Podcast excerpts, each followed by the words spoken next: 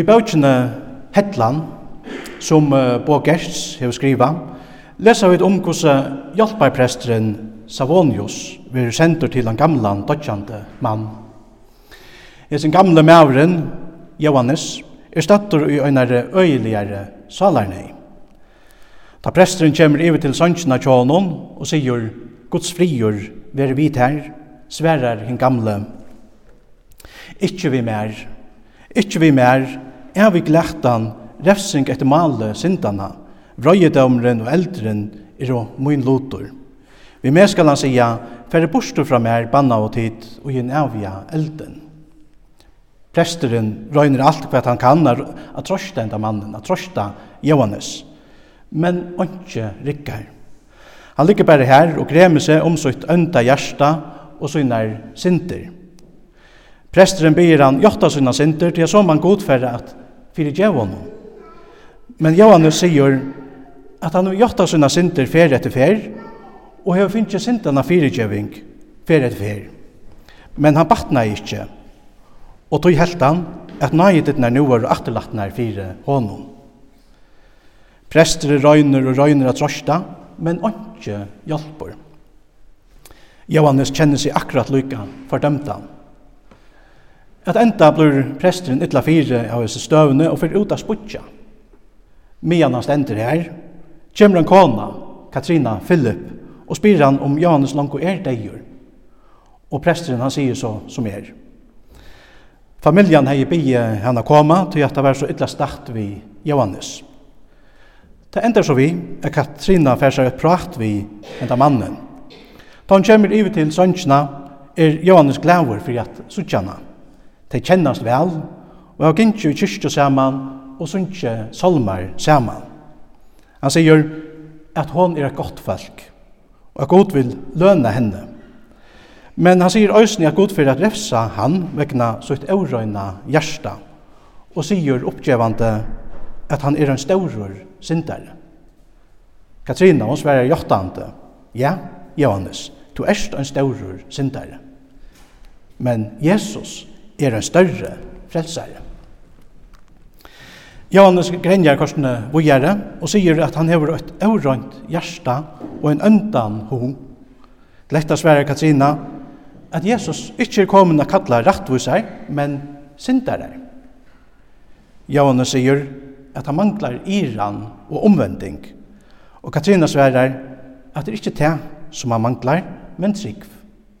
Hon sier at han skal trygg på Guds år som sier tog som ikkje gjer gjerningar, men trur av han som rattvis gjer av godlian, vil tryggfansere rokna til rattvise. Søttene leser hon òsne Johannes evangeliet 8.22, 22, Søy Guds lampe som ber sin tømsens.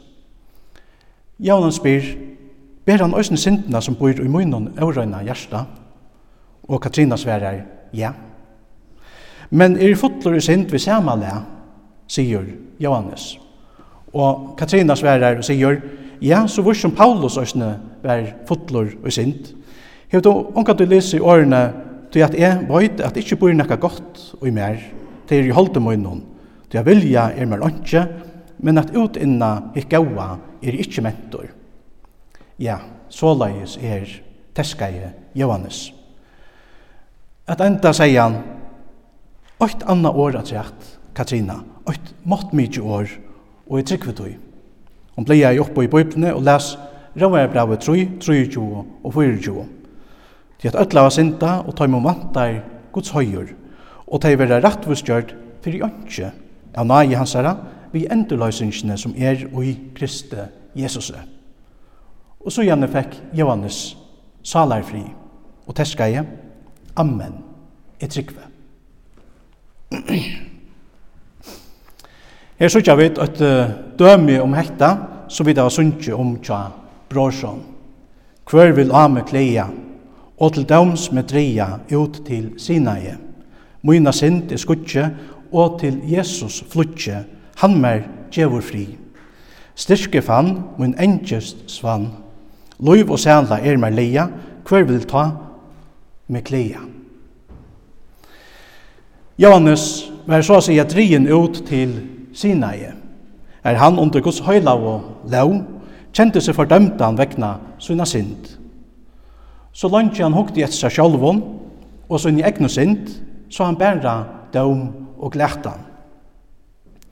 Men ta han feste sitt eia Jesus, ta brøytest alt. Han fekk salarfri og teskeie, Amen, i tryggve. Salmeren, så vidt av sunnkje, passar oss vel saman vi evangeliet, så vidt av lyse og i det. Her Jesus døyler mannaktene oppe i tvor bølgar. Enten er vi trealer tja syndene, etla er vi frals. Enten er vi under døme av sinaie, etla er vi under nøye av Golgata. Sinaie er fjallig her, Moses fekt her på er støyntallene, vi tar med tutsi bovnum, Hese bøyene som viser okkon Guds vilja. Hese bøyene som øysene viser okkon at vi er og syndere, som ikkje har mekna liv opp til Guds vilja, og som tog hava på Guds døm, Guds rettvisa døm. Golgata er fjallet her Jesus og sunnom stora kærløyga tok allar okkara synder og allan okkara døm, altså sjálvan, og døye av krossen i okkara sted. Etter høysen til som Jesus sier til i dagsens tekste, her han sier, Ta i tid få hevja opp menneskesånden. Ta skulde koma sanna at jeg er et han som jeg er. Det er bare åkt sted. Her okkara ei å være åpna for hesson djupa sannløykanon om gos ryk og eie til gleta jeg syndere, nemlig vi Jesu kross her av Golgata. Etla som John Charles Ryle sier i bøkene Jesus alene, vil skilja langtene og brøttene av Guds fægers kærløyga til en sintian heim, så hittje jeg oppa Jesu kross.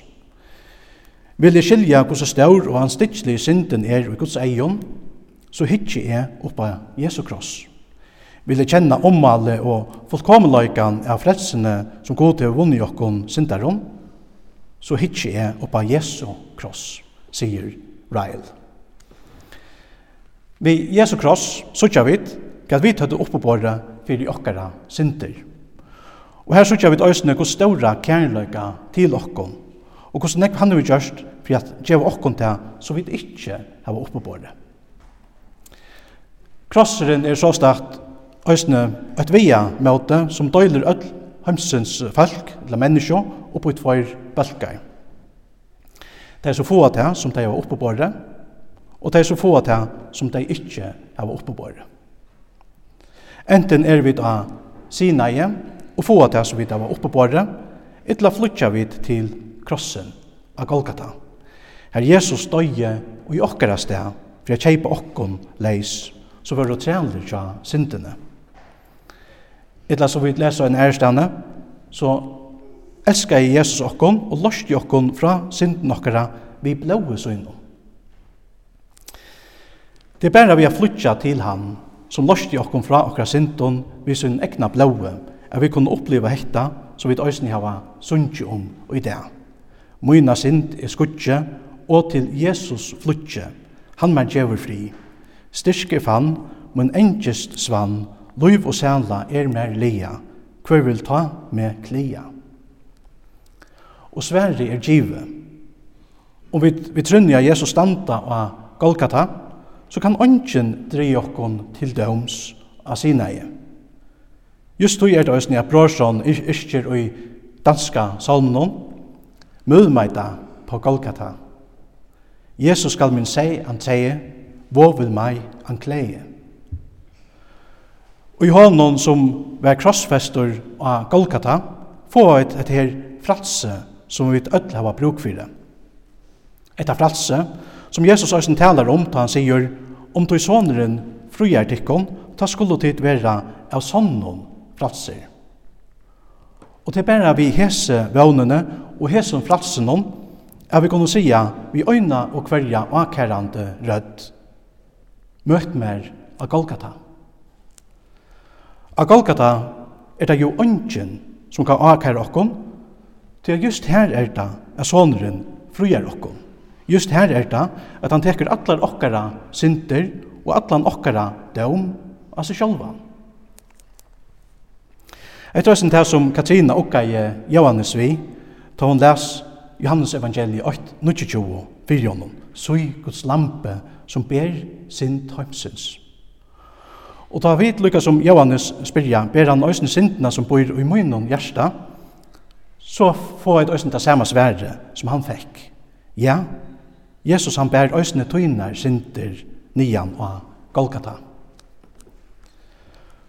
Og i hinnom krossfesta Jesus er og jeg vet øyne fri vi god, ta djevelen og akærer okkon. Han pøyker etter tær og mer og sier at vi ikke er noe av, at vi ikke er verdt å kalle okkon kristen, at vi tar synda så og så ofta, og at vi akkurat det samme bare kunne gjøre opp. Men òsne ta, mitt og hesen her er fri noen, og jeg vil korsne avjan fri vi god. Hetta kan ongen tekka fra okkom. Og då kunne vi òsne minna okra møtstøvman, djevelen og atja, som Jesus han hever gjørst fyrir okkom av krossen og sia, møtt mer av Golgata. Djevelen kan alls ikkje akkar okkom og døme okkom, ta vid vi trunne standa av Golgata. Golgata til at domren i okkara synder hever langt og veri her. Etter er det som ligger i tog som vi da har hørt uh, Paulus sia i epistelen. Han som ikkje visste om synd, gjør til han til synd okkara vekna, for at vi skulle være Guds rattvise og i hånden. For jeg vinner okkon rattvise og frelso, var Jesus av krossen og gjørtur til tøyna, moina og alla heimsins synd og han tok domen fyrir alla okkara synder av seg sjálvan. Av Golgata kunne vi tog pøyka av okkara frelsera og sija, han hever langt golde fyrir mynar synder, og jeg skal ikke gjalda for nekka som langt er golde. Jesus han hever langt utstryka okkara skuldabrav. Han hever bant fyrir tog vi at nekla det av krossen, og vi at dodja i okkara sted. Øysene vi okkon, sier Jesus, om tog soneren frujar tikkun, ta skulle tid vera av sonnon fratser. Vi er av fullkomlige frui, vekna endurløysingsna som er ui Kristi Jesus. Vi er av røyn, høyla og rattvus og Guds eion, vekna Jesus og hans herra gjerning for okkon av krossnon. Og ta djevelen akar okkon og vil takka møte fra okkon, kunne vi i fruimåe synsja Hver enn vil me gleia, ongen kan me skia, Jesus sigur vann. Sing på en sal, så borska skal, fyrir me han vildi tøma, hver kan ta me døma.